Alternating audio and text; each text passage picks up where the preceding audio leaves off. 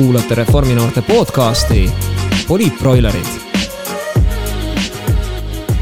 nii, tervist, kallid kuulajad, olete taas kord Reforminoorte podcasti Poliitbroilerid kuulamas ning alustamas on meie uus saatesari kolmsada kuuskümmend kraadi ahjus. mina olen Karl-Olof Loog, minuga on saates täna Otto-Karl Närska ja Kristo Enn Vaga. millest me täna räägime, poisid? millest me ei räägi, on hea küsimus täpselt nii, ikkagi kolmsada kuuskümmend kraadi ahjus ju näitab, et räägitakse sellest, mis on kuum ja see tähendab, et kõik, kõik on tegelikult kuum, sellest me räägimegi. täpselt, esiteks me võtame täna kokku terve selle aasta, mis meil on olnud üks raske ja pikk, eks ole, ning räägime ka täna kuumadest teemadest. aga mis me siin ikka pikalt äh, keerutame, et äh, tegelikult äh, see aasta ju algas väga-väga lootusandvalt, ütleme nii. mina olin küll väga-väga nagu elevil, et kaks tuhat kakskümmend uus kümnend, vaatame, mis, mis saama hakkab. ja siis hakkas meil tulema erinevaid uudiseid, et on valla pääsenud väike viirusepoiss ja ja siis läksid asjad päris koledaks või, või mis, mis teil tunded on? ma korra ka ütlen, et minule ka tundus eriti see aasta algus nagu sihuke, et äh, me veel korraldasime Reforminoorte üldkogu äh,. uus ajastu Reforminoortele, kõik värki-särki ja siis hakkasid samamoodi need uudised kuskilt tulema, et aga see oli lootustandev aasta ja aasta alguses minu arust ka linnud olid nagu natukene rõõmsamad ja laulsid minu arust natuke nagu nii-öelda gramm ka kõrgemalt, et see näitas, et noh, on, on ilusti välja puhatud eelmisest aastast ja ma arvan, ootused tõesti kindlasti oli paljudel suured, aga, aga noh, praegusel hetkel nagu ma ütlen, et no jumal tänatud, et see läbi saab. no see on ju ikka noh, loen neid sekundeid, et see kaks tuhat kakskümmend läbi saaks, et mm.. ja no mitte sellepärast, et oh, saaks mingi väga laheda nagu toreda aastavahetuse teha sõpradega. seda ka, eks ole. aga, aga noh, pigem ikkagi sellepärast, et äh, jumala eest see kaks tuhat kakskümmend üks tuleks ja see kakskümmend äh, jääks kuhugi prügikasti aga selles suhtes, et ega me ei saa nagu, vähemalt mina, kui ma nüüd vaatan aastale tagasi, et ma ei võta seda ainult nagu nii puhtalt äh, negatiivses äh, mõttes, et äh, minu jaoks on olnud positiivne ikkagist see, et vähemalt mina olen hakanud hindama mingeid asju oma elus ja, ja hakanud mingitest teemadest üleüldiselt nagu teistmoodi mõtlema, et asjad, mis tundusid varem kuidagi nii iseenesestmõistetavad, on nagu saanud pigem sihukeseks, kui suvel meil oli natukene sihuke langusperiood, siis sai jälle vabalt käia asju teha. et siis see oli jälle see moment moment, et vau, et inimesed saavad koos olla, ma saan oma sõpru näha, oma vanaemale külla minna, et kõik see nagu pani asjad minu jaoks äh, perspektiivi või äh,. mulle tundus samamoodi nagu kui, kui eriolukord, eks ju, välja kuulutati kaksteist märts ja, ja kogu siis kõik saadeti koju ära ja siis mulle tundus, et okei okay,, nüüd toimub mingi selline nagu, ma ei tea, kuidas, müstiline või selline nagu suur tektoonidene siis nagu nihe kogu ühiskonnas sellise nagu öelda, kuidas üldse käitutakse, kuidas üldse, kas keegi üldse tahab enam kunagi reisima minna ja, ja kuidas üldse suheldakse. ma arvasin, et see juhtub, aga tegelikult, mis mulle väga tundub tänasel päeval, kus me oleme jõudnud nii-öelda natukene paremasse olukorda või nii-öelda enne piirangute vaba olukorda on ikkagi, on ikkagi see, et ega enam-vähem kõik asjad on ju läinud tagasi nii-öelda selles mõttes normaalsusse ikkagi nagu ma ei näe, et väga palju inimesel oleks oma nii-öelda igapäevast elu selle pealt äh, ümber korraldanud. ma arvan, et kõik ootavad, et saaks jälle reisima minna. Äh, see ei ole kindlasti koht, et ma ei, ma ei usu, et väga paljud inimesed mõtestasid endale lahti, et kuidas nagu kodus oma elu nagu toredamaks teha. või, või kas mingeid kulutusi nagu ära hoida, et sul ei ole tegelikult vaja kogu aeg väljas käia. ma arvan, et pigem ikkagi kõik tahavad praegu minna, mis ma arvan, et on lihtsalt ainult üks suur muutus on võib-olla selline väga suur hüpe nagu digi, digiajastus üldse nii-öelda digitaalteenuste kasutamine, noh, seda ju nägime tegelikult täna, tänasel päeval oli esimene kaugistung Riigikogus. et ma arvan, see oli suur hüpe, aga kurat, mulle tundub, et äh, üldiselt selline inimeste suhtumine või nii-öelda käitumismuster nii palju ei muutunud ma pigem pean sinuga ka nõustuma, et ikkagist äh, nagu sa ütlesid, et koduseid tegemisi nagu huvitavaks tehtud, ikkagi inimesed tegelikult on saanud oma üldist elu normaalselt elada, okei okay,. kevadel eriolukorra ajal tõesti inimesed saadeti kõik koju see oli tõesti nagu natukene teistsugusem olukord aga vaatasime, vaatame, mis see päris reaalsus oli. rannad olid inimesi täis, kõik ikkagist lustisid täiega. nagu tõesti nii suurt nagu mõju ta meie igapäevasele tegevusele nagu ei omanud. ja minu arust nagu üks, üks suur asi, mida, mida räägiti eriolukorra ajal või noh, nii Eestis kui, kui maailmas oli ikkagi te, tervikuna noh, ma toon nüüd haridussüsteemi minu arust heaks näiteks, et räägiti, oi, nüüd ongi nagu e-õpe ja noh, ongi e-õpe ja kõik need õpetajad saadetakse nagu kuhugi varajasele pensionile ära ja ei olegi enam vaja, meil on ju kõik materjalid on äh, kuskilt digitaalselt olemas, teeme õppevideod, ükskord aastas tulevad õpetajad kokku, teevad videod ära ja siis küll kõik õpivad ja, ja nii ongi, eks ju, ja nii hakkabki olema aga noh, see on ilmselgelt ju koht, kus äh, kõik, ma arvan, kõik õpilased, kõik õpetajad on aru saanud, et tegelikult see mingi Zoom'i või Teams'i või jumal teab mille vahendusel ei ole võimalik tegelikult kvaliteetset haridust äh, edasi anda. sa võid anda fakte edasi, aga sa ei saa õpetada. et ma arvan, see on koht, kus äh, kaks tuhat kakskümmend, tervisekriis on, on meeletu, väga paljud inimesed on surnud, väga paljud inimesed on, on haiged, aga see, mis nagu paugu ta paneb haridusele, see, kus ikkagi väga paljudel inimestel, noortel inimestel jääb ikkagi üks aasta tegelikult haridusest mingil määral nagu puudu.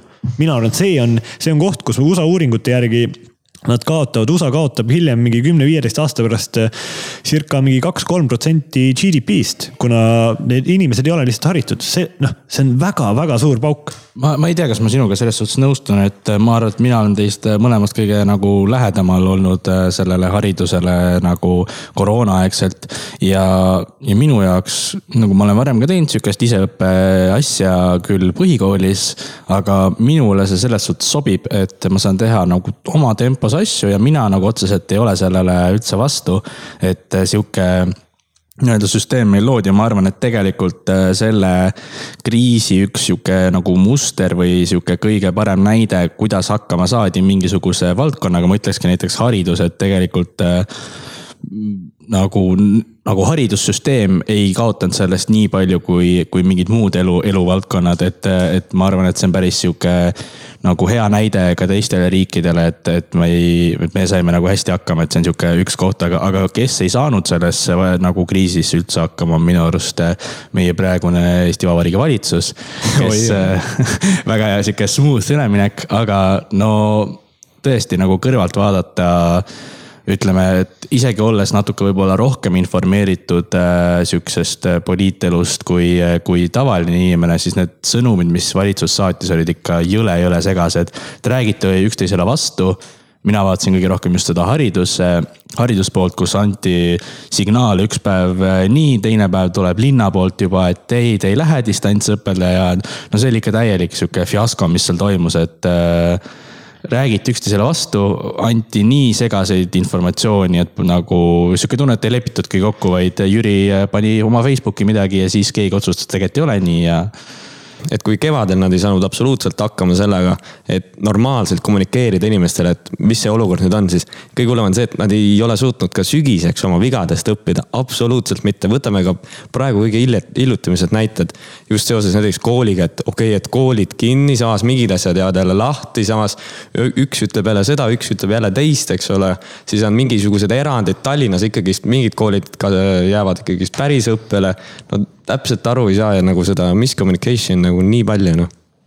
See on minu arust samamoodi, et noh, meil on, meil on ju Eesti riigis on ka väga tegelikult tugev strateegiline kommunikatsiooni, meil on eraldi üksused, nii nagu siis äh, Stenbocki maja juures kui, kui ka minu arust äh, Kaminas kaitseministeeriumis ja ja, ja, ja siis nagu see asi taandub kõik sellele, et nagu kuskil kunagi üks Mark nagu tegi Harvardile tegi ühe nagu rakenduse ja siis meie toredad ministrid mõtlevadki, et see on nüüd kõige parem platvorm nagu jõuda kogu ühiskonnani, noh sorry man, aga tegelikult päris nii ei ole, eks ju, et meil on nagu ametlikud kanalid ja, ja seda valeinfot tänu sellele, et valitsused ise otsustajad, ise otsustajad panid ka nagu üks ütles üht, teine ütles teist, kasutasid mingi X kanaleid enam-vähem niimoodi, et nagu ma ei tea, üks valitsuse minister kirjutas, eks ju, kodus seinale, et see nüüd on noh et see nüüd ongi siis see valitsuse kuld, eks ju, noh, päris nii ei saa nagu toimuda demokraatlikus riigis, eriti nagu minu arust päris arenenud riigis nagu nagu on Eesti, et tegelikult on ju võimalus saata ju, ma ei tea, kõikidele inimestele SMS-e on ju konkreetselt kogu aeg olid ju need äh, pressikonverentsid, miks nad, miks nad ei oodanud nendel hetkedel siis konkreetset sõnumit, et see on noh täielik nagu pläust ja, ja nad ei ole ju õppinud sellest, nad ei ole nagu mõelnud, et mis nad valesti tegid. Praegu teevad nagu kaks punkt nulli, noh täiesti noh, ma mõtlengi, et see lihtsalt see kevad, mõned ütlevad küll, oh vaata, valitsus sai nagu kevadel ülihästi hakkama, mis mõttes, meil ei olnudki siis mingit kriisi tegelikult. kui me vaatame ju neid numbreid mitte mingit kriisi Eestis tollel hetkel ei olnud, aga see sotsiaalne surve ja kõik noh, pidi kiiresti tegutsema, see oli kindel. sest kõik äh, kõrval tegutsesid ja, ja selline paanika oli meeletult suurem, kui ta täna on aga tegelikult sellist päris tervishoiukriisi ju ei olnud, see, see oli tekitatud tervishoiukriis tänu sellele, et saadeti plaaniline ravi nagu täiesti koju ära, mis oli väga suur probleem, pluss siis ikkagi see, et nagu ei suudetud ära rääkida, et mis piirang on mis piirang, mida, mida saab, mida ei saa, noh täielik äh, sihuke must plekk, kuidas see saab olla. pluss hea nali oli veel see, mis ma hiljuti nägin, noh, see oli pooleldi meemi kujul, et et äh, terviseamet, kellele on määratud nagu ülesanne tegeleda koroonameetmetega ja nagu nende loomisega ja väljamõtlemisega, siis äh, see nali oli umbes see, et isegi terviseamet peab läbi äh, Facebooki saama teada, et äh, mis need meetmed siis päriselt on, eks ole.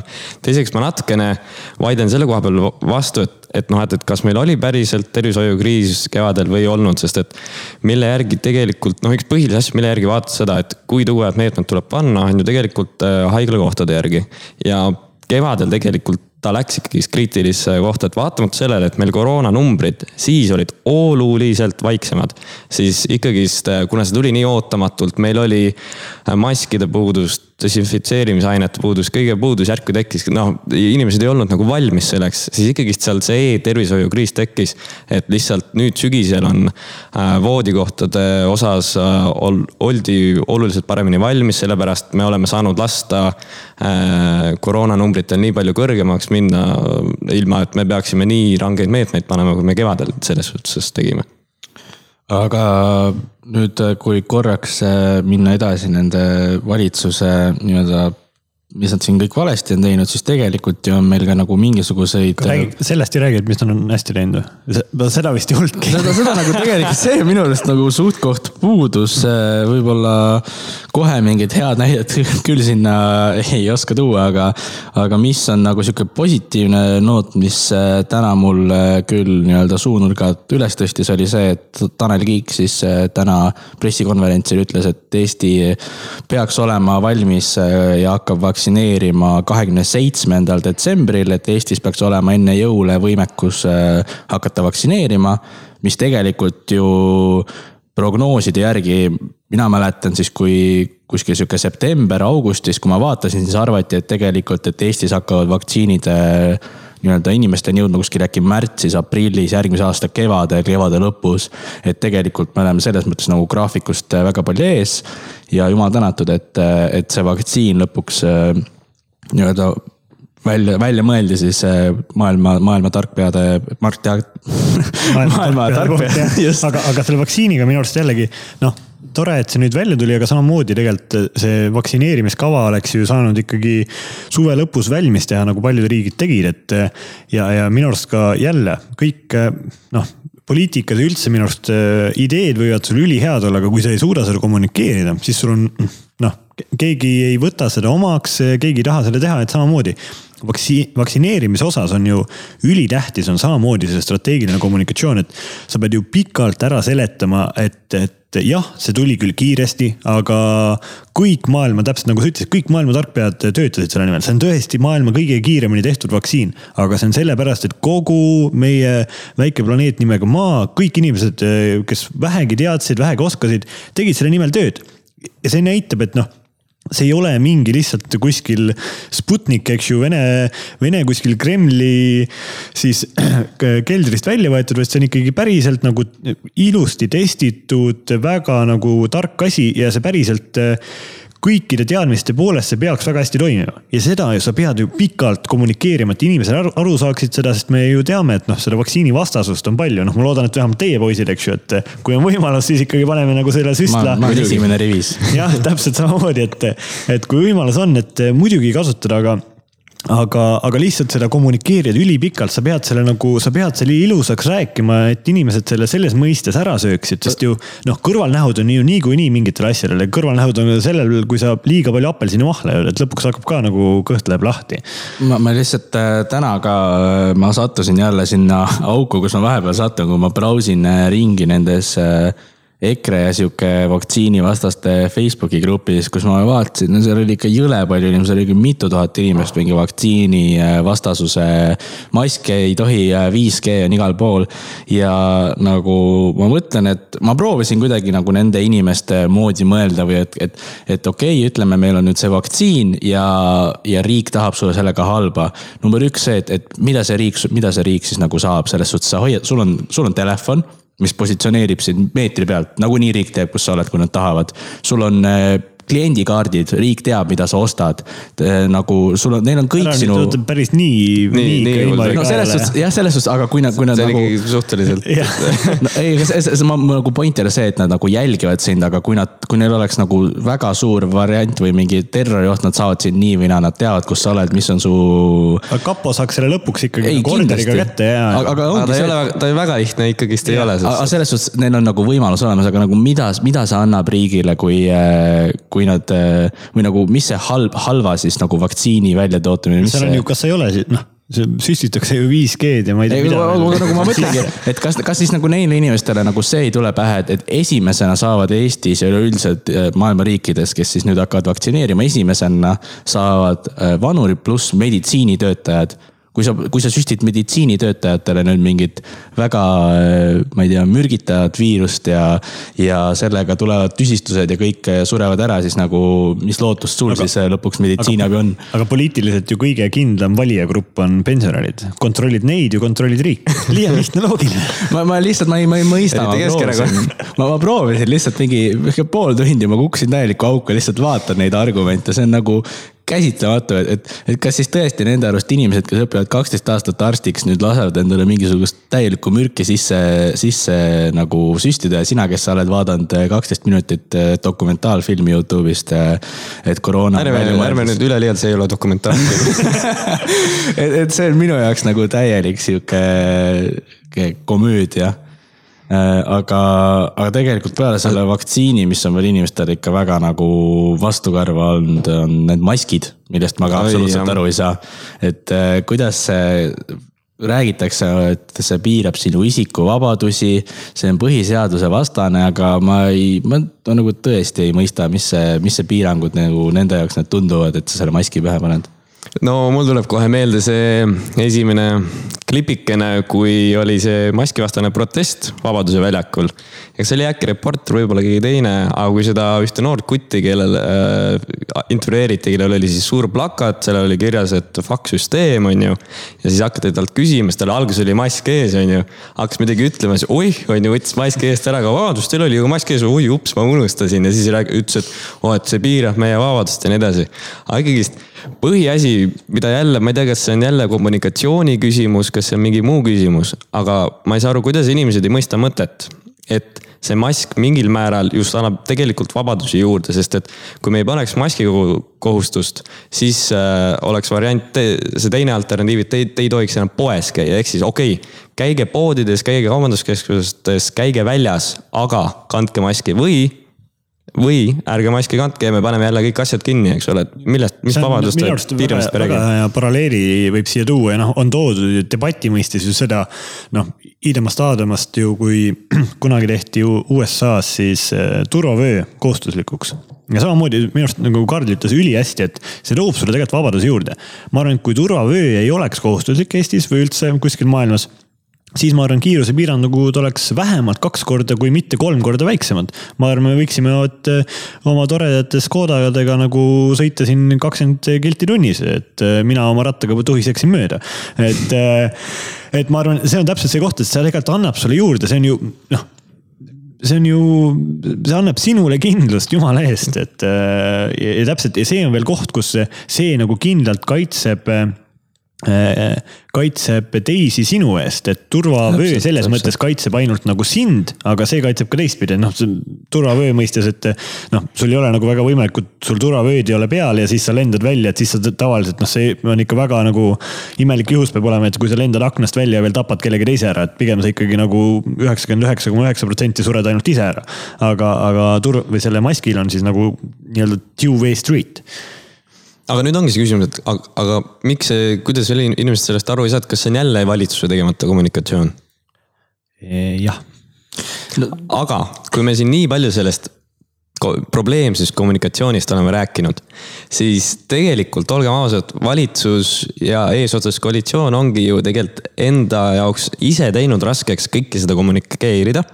Miks? sest et ju tegelikult terve aasta vältel on olnud erinevaid vastuolulisi valitsuskriise ja mingisuguseid erinevaid juhtumeid, mul on lausa nimekiri siin ees, et äh, kuidas äh, Mart Helme aasta alguses hakkas äh, sotsiaalministeeriumi kampaaniaid seal kritiseerima.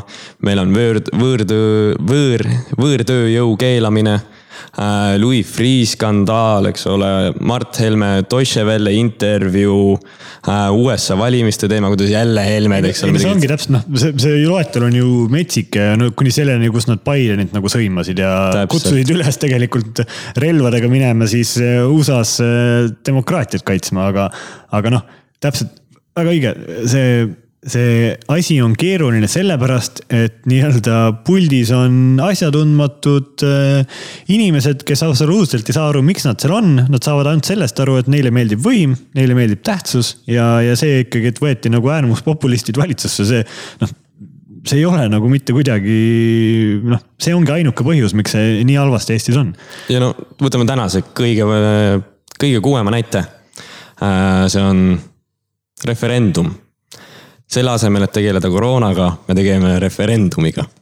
Aga referendumiga mul on väga hea nagu tegelikult, mul üks tore raamat kaasas, kui ma, kui ma võin, siis ma korra räägin sellest raamatust, see on siis mu- äh, raamatu nimi on hästi selline äh, hea lühike raamat, et inimesed isegi meie vanused, kes tegelikult väga palju raamatuid ei loe, kes istuvad arvutis, ma usun, et saavad selle raamatuga suurepäraselt hakkama.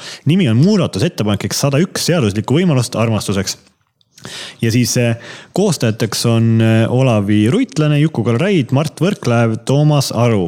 Mart, eh, hea sõber, Riigikogu liige on siia ilusti ka eessõna kirjutanud ja siis koosneb erinevatest alternatiivsetest siis küsimustest, mis võiks panna abielureferendumi asemel siis küsimus, mida võiks Eesti inimestelt küsida ja samamoodi jah, ei siis valikuna. ja, ja ma loen mõned ette lihtsalt illustratsiooniks, et kas te sööksite leiva isa, kui see ei ole maha kukkunud? ei jah, siin on ei jah variant. kas homoseksuaalsed inimesed saavad taevasse? ei jah. kas erinevat nahavärvi vanemate järeltulija võiks olla sebra? ei jah. üks veel. kas selle maa keel laulutuules ei võiks? ei jah siin on siin sada üks, väga soovitan, ma, ei tea, kas see raamat nagu päriselt jõuab ka kuhugi siis äh,, siis raamatupoodidesse, aga, aga ma võin kindlasti öelda, et kui ma ei tea, parim äh, inimene, kes kommenteerib seda podcast'i kuskil siis meie, ma ei tea, Facebookis või, või Spotify's või kuskil kommenteerib seda podcast'i, parima kommentaari saaja saab siis äh, selle raamatu endale aga mis äh, nagu selle referendumi äh, juures äh, väga sihuke huvitavaks praegu juba eskaleerunud on see, et mina vaatasin siis seda esimest, esimest ettelugemist Riigikogus. hakkas ta mingi kell kolm, ma vaatasin äkki mingi neli, neli tundi äkki seda laivi. sul vist väga ole nagu elu see, see oli, see oli, see oli ikka nii piinlik, mis oli nagu lõpuks see huvitav, mis nagu minu jaoks kuidas ma kokku võtan selle, et äh, nüüd on hakatud mängima selle peale, et mis vahet ei olnud, milline siis opositsiooni äh, nii-öelda äh, küsimus või asi või nagu ettepanek või asi see ei olnud, siis alati vastati lõpuks põhimõtteliselt sellega, et ma ei saa aru, miks te nii vastu olete sellele referendumile. miks te nii kurjad olete? miks te, miks te, miks te, miks te ei taha, et rahvas otsustab, aga nagu see, see on nagu selles suhtes, et see on hästi välja mõeldud argument, et muidugi, et nagu rahvas võiks nagu otsustada ja, ja mina olen ka selles suhtes otsedemokraatia nagu väga suur toetaja aga otsedemokraatiat minu arust võiks teha inimesed nendes küsimustes siiski, mis äh, mõjutavad mind. ehk siis äh, ütleme, et äh, inimesed, kes on nagu tõi ka väga hästi selle Andres Sutt näiteks välja, et tema on olnud kolmkümmend aastat sihukeses täielikus klassikalises, klassikalises no kristlikus abielus. nii nagu EKRE sihuke ideaalne väärtusmudel on. et aga teda see ju otseselt või ütleme, mind, sind, äh, vahet ei ole, kes, keda see nagu ei puuduta. minu elu ei muutuks sellest nagu grammi võrdki, mina ei saa sellest rikkamaks, äh, ma ei saa sellest targemaks, kui ma nüüd ühte või teist poolt nagu pidi hääletan. et need küsimused, mis pannakse otsedemokraatiale, mis pannakse rahvahääletusele Need peaks olema need küsimused, mis mõjutavad nagu iga inimest, kes sellele vastavad, sest et tegelikult selle referendumiga me ei, nagu ei võta ära mitte üheltki inimeselt, keda see ei puuduta mitte midagi. aga me anname inimestele neid äh, nii-öelda võimalusi ja neid õigusi, mis nagu tegelikult juba nagu teistel olemas on et miks me paneme siukseid asju rahvahääletusele, see on nagu täiesti, see on nagu nonsense. et Helir-Valdor Seeder muidugi ka eile äh,, tark nagu ta on äh,, ütles siis äh, Esimeses stuudios, et äh, abielu ei ole kahe inimese mingi vaheline asi või ma ei mäleta, kuidas ta see sõnastus oli, see oli no idiootne. et äh, tema arust siis abielu peaks olema kogu ühiskonna asi ja see, mis sul toimub nagu magamistoas, see on, see on sihukest asja nagu sihukeses läänelikus maailmas, no see tulge mõistusele reaalselt, noh. Olen täiesti nõus, et noh, täpselt rahvahääletusel on, on oma koht, on oma küsimus, on oma nagu aeg, aga tõesti selline, kus me nii-öelda üle siis esiteks see küsimus ei ole ju kuidagi nagu päevakorras, keegi ei ründa seda, keegi noh tõesti jah, Helir ütles, et see abielu on nüüd isiklik asi, et mitte selle kahe inimese vahel. aga noh, see on täpselt see küsimus, et kas ongi, kas päike tõuseb äh, läänest või, või idast, eks ju, või noh. miks me selliseid asju üle küsime, et äh, samamoodi, kas pill tuleb pika ilu peale, ei jah, no see ei ole nagu küsid niimoodi, et äh, noh, meil on olnud viimane ju rahvahääletus oli Euroopa Liiduga siis liitumine, väga tähtis küsimus ja, ja oli tähtis küsimus ja mõjutas kõikide inimeste elu noh, vaieldamatult, see kindlasti ei mõjuta. Ja, ja tegelikult, mis mind veel väga nii-öelda karvad turri paneb selle äh, referendumiga, on see, et see küsimus, see küsimuse püstitus on nagu selles mõttes nende poolt geniaalne. et nad küsivad, et eh, kas abielu peaks olema mehe vahe, nagu naise vaheline liit, ütleme, mina olen nüüd täiesti sihuke clueless, ma ei tea, mis riigis toimub, vaatan no, rahvahääletus, ma lähen siis no teen oma kodanikukohustust, ma lähen hääletan. ja siis ma olen nüüd seal putkas, kas abielu peaks olema mehe-naise vaheline liit oh,, no selles suhtes kogu aeg on olnud, miks ta ei peaks olema, jah, on ju. aga tegelikult see küsimuse nagu püstitus peaks olema, et kas, kas see peaks olema ainult või et kas, miks ta siis ei küsi juba, et kas äh, nagu samasoolised tohivad abielluda, see annab selge nii-öelda signaali, mida me ju tegelikult küsime, sest see praegune küsimus, see on nagu, ongi üles ehitatud nii, et me küsime, et kas, kas see asi, mis on kogu aeg olnud, kas ta, kas see on nagu õige. me ju tegelikult, see fookus on täiesti vales kohas, et need inimesed, kes on sellest informeeritud, ainult nemad teavad, mis see nagu, see kaalukaussid või nagu, mis see ei pool ja mis see ja pool tegelikult, nagu see, see on täiesti loll, selles suhtes, et nende poolt on väga geniaalne ülesehitus. aga sihukesest puhtalt nagu riigimehelikult, see on ikka väga sihuke nagu rõve tegu, et äh, sihuke küsimus äh, nagu püstitada, et äh, see tõesti, see tuleks ära muuta, aga noh, miks me ikka teha saame sinna noh jah, no seal ongi see ja tegelikult ei ole ju, ei ole ju inimestele selgitatud, mis tähendab nagu, mis tähendab see, kui jah võidab, mis tähendab see, kui ei võidab, et praegu on ikkagi pigem see. kui ei võidab, siis ei juhtu mitte midagi, et see on lihtsalt nagu kulutatakse mõttetult raha, õhutatakse rahvast ülesse tõenäoliselt mingi hetk hakatakse nagu väga rõvedat kampaaniat ühelt poolt tegema. no miks meil on vaja nagu vabatahtlikult eh, siis eh, Eesti riiki veel rohkem nagu lõhki tõmmata. noh, oleme ju proovinud seda kokku lappida, et lihtsalt mõttetult inimesed nagu rikuvad, rikuvad meie riiki, panevad nagu naabrid üksteise vastu. no perekonnad, naabrid ja perekonnad kõik üksteise vastu nii-öelda hammast purema nagu tegelikult, mis jäi ka seal Riigikogu lugemisel vähemalt minu kõrvust lendas küll mööda, kui ise vastati seal, aga oli küsimus, et kust see raha tuleb, see läheb riigile maksma üks koma seitsekümmend viis miljonit. kriisi ajal panna raha magama selliste asjade peale, mis tegelikult äh, sa võid lahendada järgmine aasta, võid lahendada mis iganes tulevikus, kui seda on sul vaja lahendada, aga et panna nagu praegusel hetkel, kus inimesed on inimesed kaotavad töö, kus äh, turismisektor on noh äh, paelaga ripub äh, kuskil üle kalju, no see on äh, õhkõrn piir, millal äh, mingid majandussektorid võivad lihtsalt täielikult kokku kukkuda. ja nüüd riigi poolt me võtame, näitame eeskuju, et me kulutame üks koma seitsekümmend viis miljonit küsitlusele, mis ei muuda praegusel hetkel mitte midagi, see on lihtsalt EKRE täielik nagu oma võimupositsiooni ärakasutamine, et olla pildis et näidata, et nad on mingisugune poliitiline jõud, see tegelikult äh, Keskerakond on äh, nagu langenud ikka täielikult äh, EKRE sihukeseks peksukotiks või et minu, minu jaoks, kui seda nagu valitsust, kui ma peaks kunagi selle hiljem tagasi vaatama, siis see ei ole, see ei ole Keskerakond, see ei ole Jüri, Jüri Ratase juhitud valitsus, see on täielikult Marti Helmede dünastia valitsus. kõik nemad on need, kes seal marionette liigutavad, et see on see on nagu ma ei, ma ei, minule jääb nagu mõistust puudu, et, et mis Keskerakond sellest, et, et mis hetkel nad saavad aru, et see ei ole enam väärt seda, seda kahe nagu kahe käega kinnihoidmist sellest valitsusest. et tegelikult nemad on see lõpuks, kes sealt kaotavad. Nad kaotavad valijaid, nad kaotavad usaldust, nad kaotavad suhted teiste erakondadega, kes praegu opositsioonis on, kes mingi hetk kindlasti tulevikus saavad ka koalitsiooni. et tegelikult sellest valitsusest võidavad EKRE Isamaa on sihuke pigem praegu ikkagist hääli kaotanud sealt kõvasti ja kõige suurem kaotaja on Keskerakond, et, et nagu millal, millal nad seda ise aru saavad, võib-olla on ise aru saanud, aga tõesti, et neil ei ole mingit äh, muud paremat alternatiivi praegu, et minu jaoks see on nagu väga-väga mõistetamatu.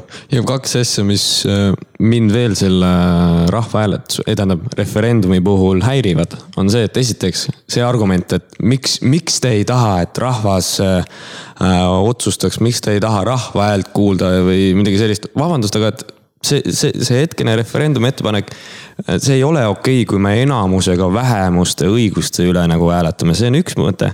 teine mõte on äh, see, et kui räägitakse, et kuidas äh, traditsioonilisi asju ründatakse äh, kuidas meil on iive ohus, kuidas kõik asjad on ohus. vabandust, aga kui me räägime inimeste seksuaalsusest näiteks, see on kõik, see tuleneb kõigil ju äh, bioloogiast, nii ja kui me nüüd võtame, kui me teeme selle referendumi või me võtame vastu näiteks, äh, muudame abieluseadust, mis iganes, siis sellest inimeste bioloogia ei muutu või sellest ei muutu see, et äh, kes omavahel on koos või kes äh, omavahel soovivad nagu armastust jagada, et see ju nagunii ei muutu või et kui me muudame seda seadust, siis selle tõttu ei hakata ju vähem või rohkem lapsi tegema. et nagu millest me räägime noh üleüldiselt see minu jaoks see rahvahääletus mitte ühtegi positiivset äh, vastust sellele. no või nagu üleüldiselt mingit positiivset emotsiooni mul küll sellega ei teki, välja arvatud see, kui äh, tuleb. minu jaoks oleks ainuke sihuke positiivne ma olen väga palju nüüd ümber sõnastanud seda, et aga positiivne lahendus on see, kui see seotakse ikkagist ka nii-öelda valitsuse usaldusküsimusega Äh, esiteks Riigikogus või teine variant siis äh, nagu rahvahääletusele Eesti Vabariigis kohane, siis äh, ei korral kord-, kuulutatakse välja erakorralised Riigikogu valimised.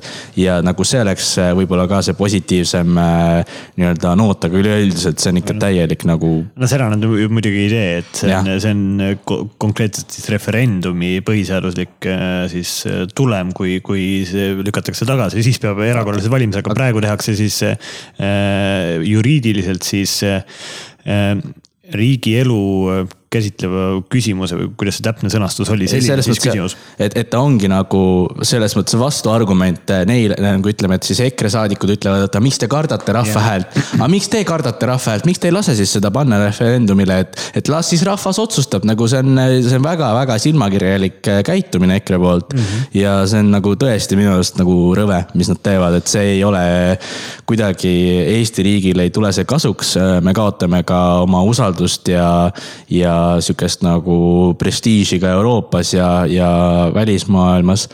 et äh, see on tõesti väga sihuke kehv asi. aga kui me nüüd läheme ka siit sellest referendumist ja valitsuse kohutavast äh, olemusest ja tööst edasi, siis äh, võtaks ka äkki kokku selle kahe tuhande kahekümnenda aasta noortekogu nii-öelda võtmes, et mis me teinud oleme mis üritused meil olnud on ja, ja äkki ka korraks, et mis me järgmine aasta plaanime, et peasekretär äkki, äkki teed otsa lahti? ma teen otsa lahti sellega, et üks positiivsemaid asju see aasta oli see, et vaatamata sellele, et tänu eriolukorrale märtsis Reformierakonna üldkogu ära jäi siis nüüd, seitsmendal novembril toimus ta ikkagist meil ära.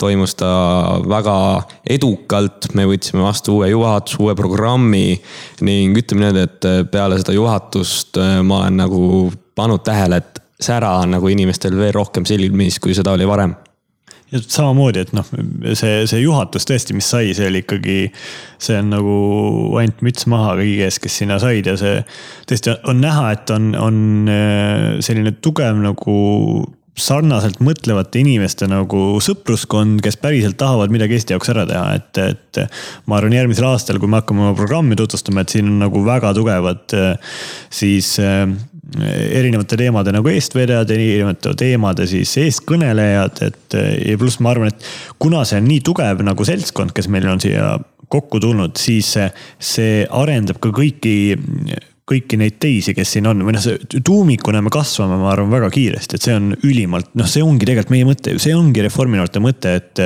et tuleks mingi tubli seltskond noori kokku, kellel on liberaalne maailmavaade ning kes tahaksid koos nagu saada targemaks, avarama silmaringiga ja kellel oleks nagu koos ka lõbus, et, et ma arvan, et see praegune nagu seltskond, kes on kokku saanud, see täpselt neid nagu eesmärke täidab ma nagu ei taha endale ka pai teha, et äh, kuna ma olen ka ise juhatuse liige. võin sulle ise teha et, juhatuse esimehena. väga hästi, väga hästi, aga et äh, nüüd, äh, kui see nüüd natuke aega meil töötanud on, siis tegelikult mul on ka ainult nagu positiivseid emotsioone, et me oleme siis see aasta võtnud selle juhatuse nii-öelda võimalikult äh, struktureeritult nagu kätte. et me oleme teinud siis erinevad komisjonid, iga juhatuse liige on mingisuguse komisjoni liige ja võitleb siis äh, või noh, teeb programmi ja annab siis kõige rohkem mõtteid just sellest teemast. et kõikide siis nagu valdkond ja komisjon on seotud tema nagu isiklike huvidega. ja see süsteem on tegelikult väga palju nagu juurde andnud et äh, on näha, kui me nüüd tutvustasime eelmine juhatuse koosolek, äh, kõik komisjonid andsid siis oma nagu mõtteid, et mis nad teha tahavad, siis tegelikult äh, mul oli küll ainult nagu hea meel, et see aasta tundub, et, et võetakse nagu väga-väga suuri samme. et üleüldiselt olla pildis ka, ka nagu üle-eestiliselt, et meil on väga palju uusi häid mõtteid, millest te kindlasti kõik varsti teada saate et äh, tagatoas on nagu praegu, ma arvan, et asjad äh, päris, päris hästi ja kõik, äh, kõik sujub. ahi kööb. aga täpselt ja mis ma veel tooks teemaks, on see, et kuidas on Reformierakond hakkama saanud see aasta just seoses koroonaga, siis ma ütleks, et ikkagist väga tublilt ja edukalt oleme hakkama saanud, kui me mõtleme kevade peale, kui tuligi täiesti eriolukord. Äh, leidsime oma digilahendused, et äh, teha klubiõhtuid, korraldada eestseisust, äh, hoidsime kommuuni üleval.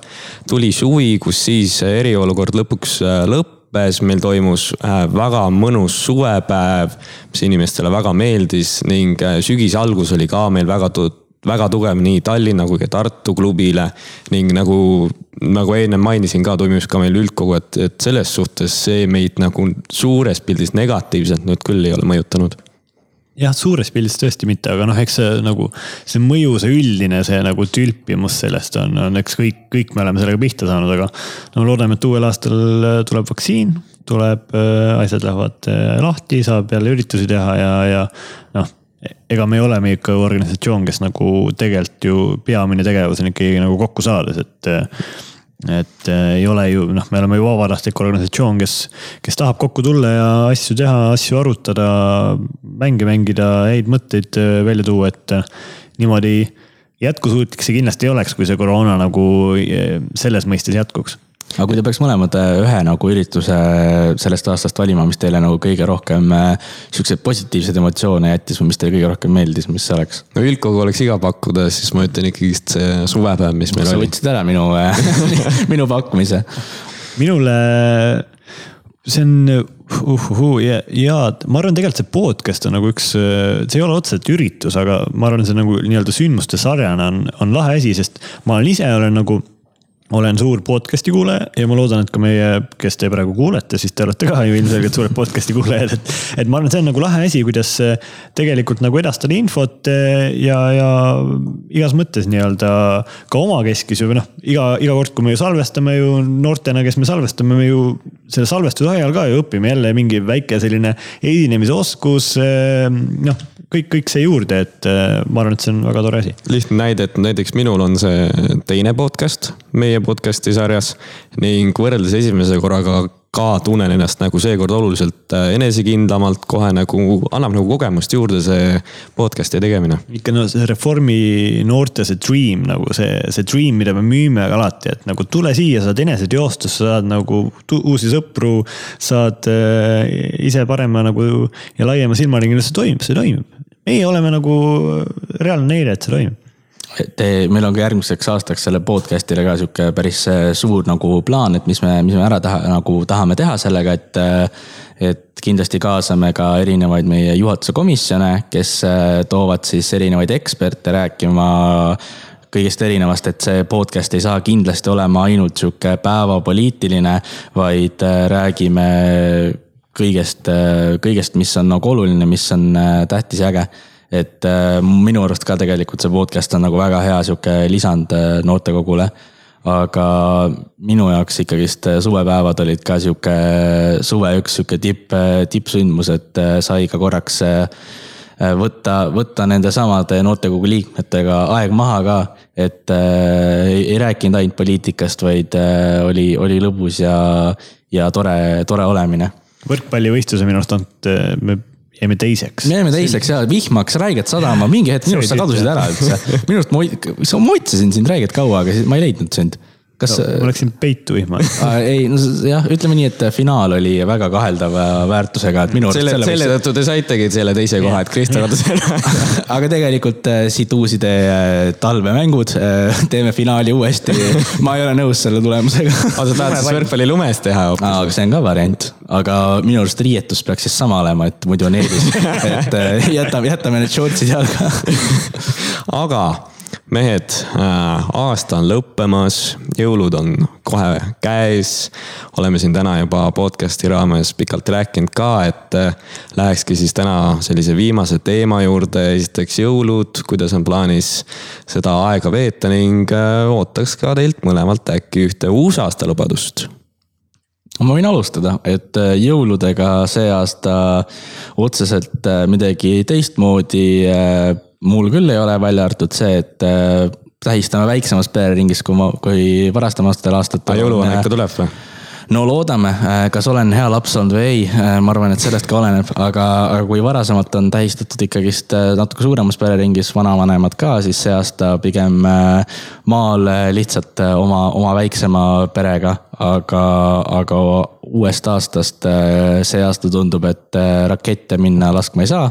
Et äh, ma arvan, et see on ka pigem sihuke kodune sündmus, et äh, ei juhtu midagi äh, meil, kui me ühe aastavahetuse, ühed jõulud natuke väiksemad peame, et tegelikult neid on ju tulemas nii palju, et ma küll ei, ei, ei arva, et peaks mingisuguseid suuri sündmusi see aasta enam korraldama ja minul, minul ka jõuludel selline tore pereüritus, kõige suurem nagu siis vahe tava-aastaga on see, et et tava-aastal on alati nagu jõuluvala käinud, aga see aasta on äriplaan täiesti nagu väga legitiimne äriplaan on see, et äh, mu sõber on koroona läbi põdenud, tal on antikehad ja ta on antikehadega jõuluvana. See on nagu, see on selle aasta, selle jõulude nagu parim asi, mis üldse saad teha, sa oled antikehadega jõuluvana, nüüd on ainult antikehadega päkapikke ka veel vaja, et siis on nagu, siis on täiesti nagu iga, igasse majja läheb ja pole mingit probleemi et, et see ongi suurim vahe, et seekord tuleb professionaalse jõuluvana asemel tuleb siis, tuleb eh, hea sõber, kellel on antikehad. ma, ma korraks ka segan vahele, et väga sihuke tore seik see aasta äh, nagu välispoliitikast oli, kui ma ei eksi, siis see oli äkki Iiri äh, parlamendis siis, kus tuli kõnelema nende äkki oli välisminister või, kes siis äh, rääkis äh, kogu riigi lastele, et äh, see aasta ikkagist jõuluvanale tehakse erand, et ta ei pea olema kaks nädalat karantiinis. et see aasta ikkagist jõulud toimuvad ja päkapikud saavad ka erandi ainukestena, et nemad siis karantiinis ei pea olema, see oli sihuke päris tore žest, ma arvan, nende poolt ega minul ka jõulude osas midagi uut ei ole lisada, samamoodi mõnusalt pere keskel jõuluvana tõenäoliselt on tulemas, nagu ta on iga aasta käinud, aga mis te jätsite mainimata, et ikkagi, mida me endale lubame uueks aastaks, ma teen otsa lahti sellega, et selline klassikaline lubadus, aga ikka jälle relevantne, et äh, tahaks rohkem lugeda järgmisel aastal. mida? raamatuid ikka, raamatuid kas e-raamatut loed ka või? Äh, jaa, e-raamatut, e-raamatud loevad ja loen ka ise neid, aga kindlasti ka podcast'i rohkem kuulata, mida ma tegelikult juba täna teen aktiivselt, aga just, et, et ikkagi seda lugemisharjumust tekitada aga kas sul on mingi, mingi raamat on juba nagu pooleli praegu või on sul mingi plaan, mida sa esimesena alustad? ei, ma praegu juba loen sellist raamatut nagu äh, Eesmärk, aga ma praegu autorit kahjuks kohe ei näe. sul on eesmärk lugeda raamatut või? ei, raamatu raamatu nimi on eesmärk. minul, minul on väga lihtne uusaasta lubadus teha kõik, et valitsus vahetuks, et heas mõttes. ärge sa kõike küll ütle, ma arvan, et seal võib olla ka väga mingeid. jah, ei, võib-olla mitte selles mõttes seaduste piires no,. seaduste piires kõik, mis ma saan teha, et valitsus vahetuks, ma arvan, et see on nagu Eesti riigi pikaaegses tuleviku mõistes on, on ainuke tähtis asi ja noh, see muidugi kõlas hästi imaralt, aga, aga päriselt see on, ma arvan, et Eestil läheks palju paremini, kui tal oleks ükskõik milline teine valitsus minu äh,, tahtsid midagi vahele öelda? ma tahtsin öelda, et, et ma leidsin selle autori üles, et raamatu nimeks siis jah, ikkagist on eesmärk, autoriteks on Goldrat ning Jeff Cox. Et kindlasti soovitan lugeda, väga. millest see räägib? räägibki sellest, ta on tegelikult nagu äh, kirjeldab, ta tähendab, kirjeldab lugu ikkagist, kus sul on tegelased ja nii edasi, aga ta on selles suhtes väga õpetlik, kuidas äh, ta annab nagu vaatepilti selle osas, et kuidas äh, organisatsiooniliselt oma eesmärke paremini täita. okei okay., tundub, tundub äh, põnev, peaks, peaks äkki käsile võtma.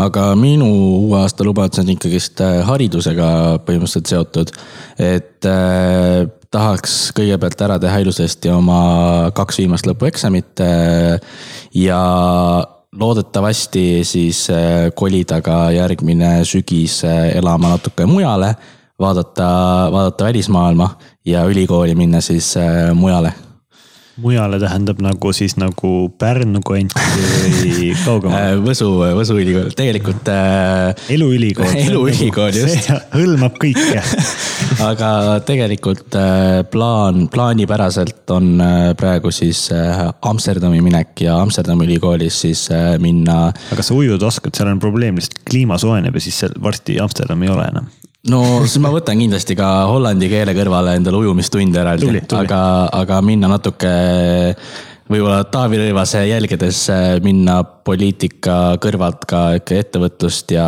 ärindust ja majandust õppima, et tundub sihuke, sihuke suund, et, et kuidas ma, kuidas ma ütlengi, sihuke suund, mis mind huvitab ja, ja ma arvan, et on väga sihuke relevantne ka kahekümne, kolmekümne aasta pärast. vot igastahes Otto, kindlasti soovime sulle tulevateks eksamiteks palju-palju edu. olemegi jõudnud seekordse podcast'i episoodiga lõpuni. täname meie kõiki kuulajaid ning kuulake ka meie järgmiseid episoode. aitäh ning rahulikke jõulupühi. ja head uut aastat. ilusaid jõule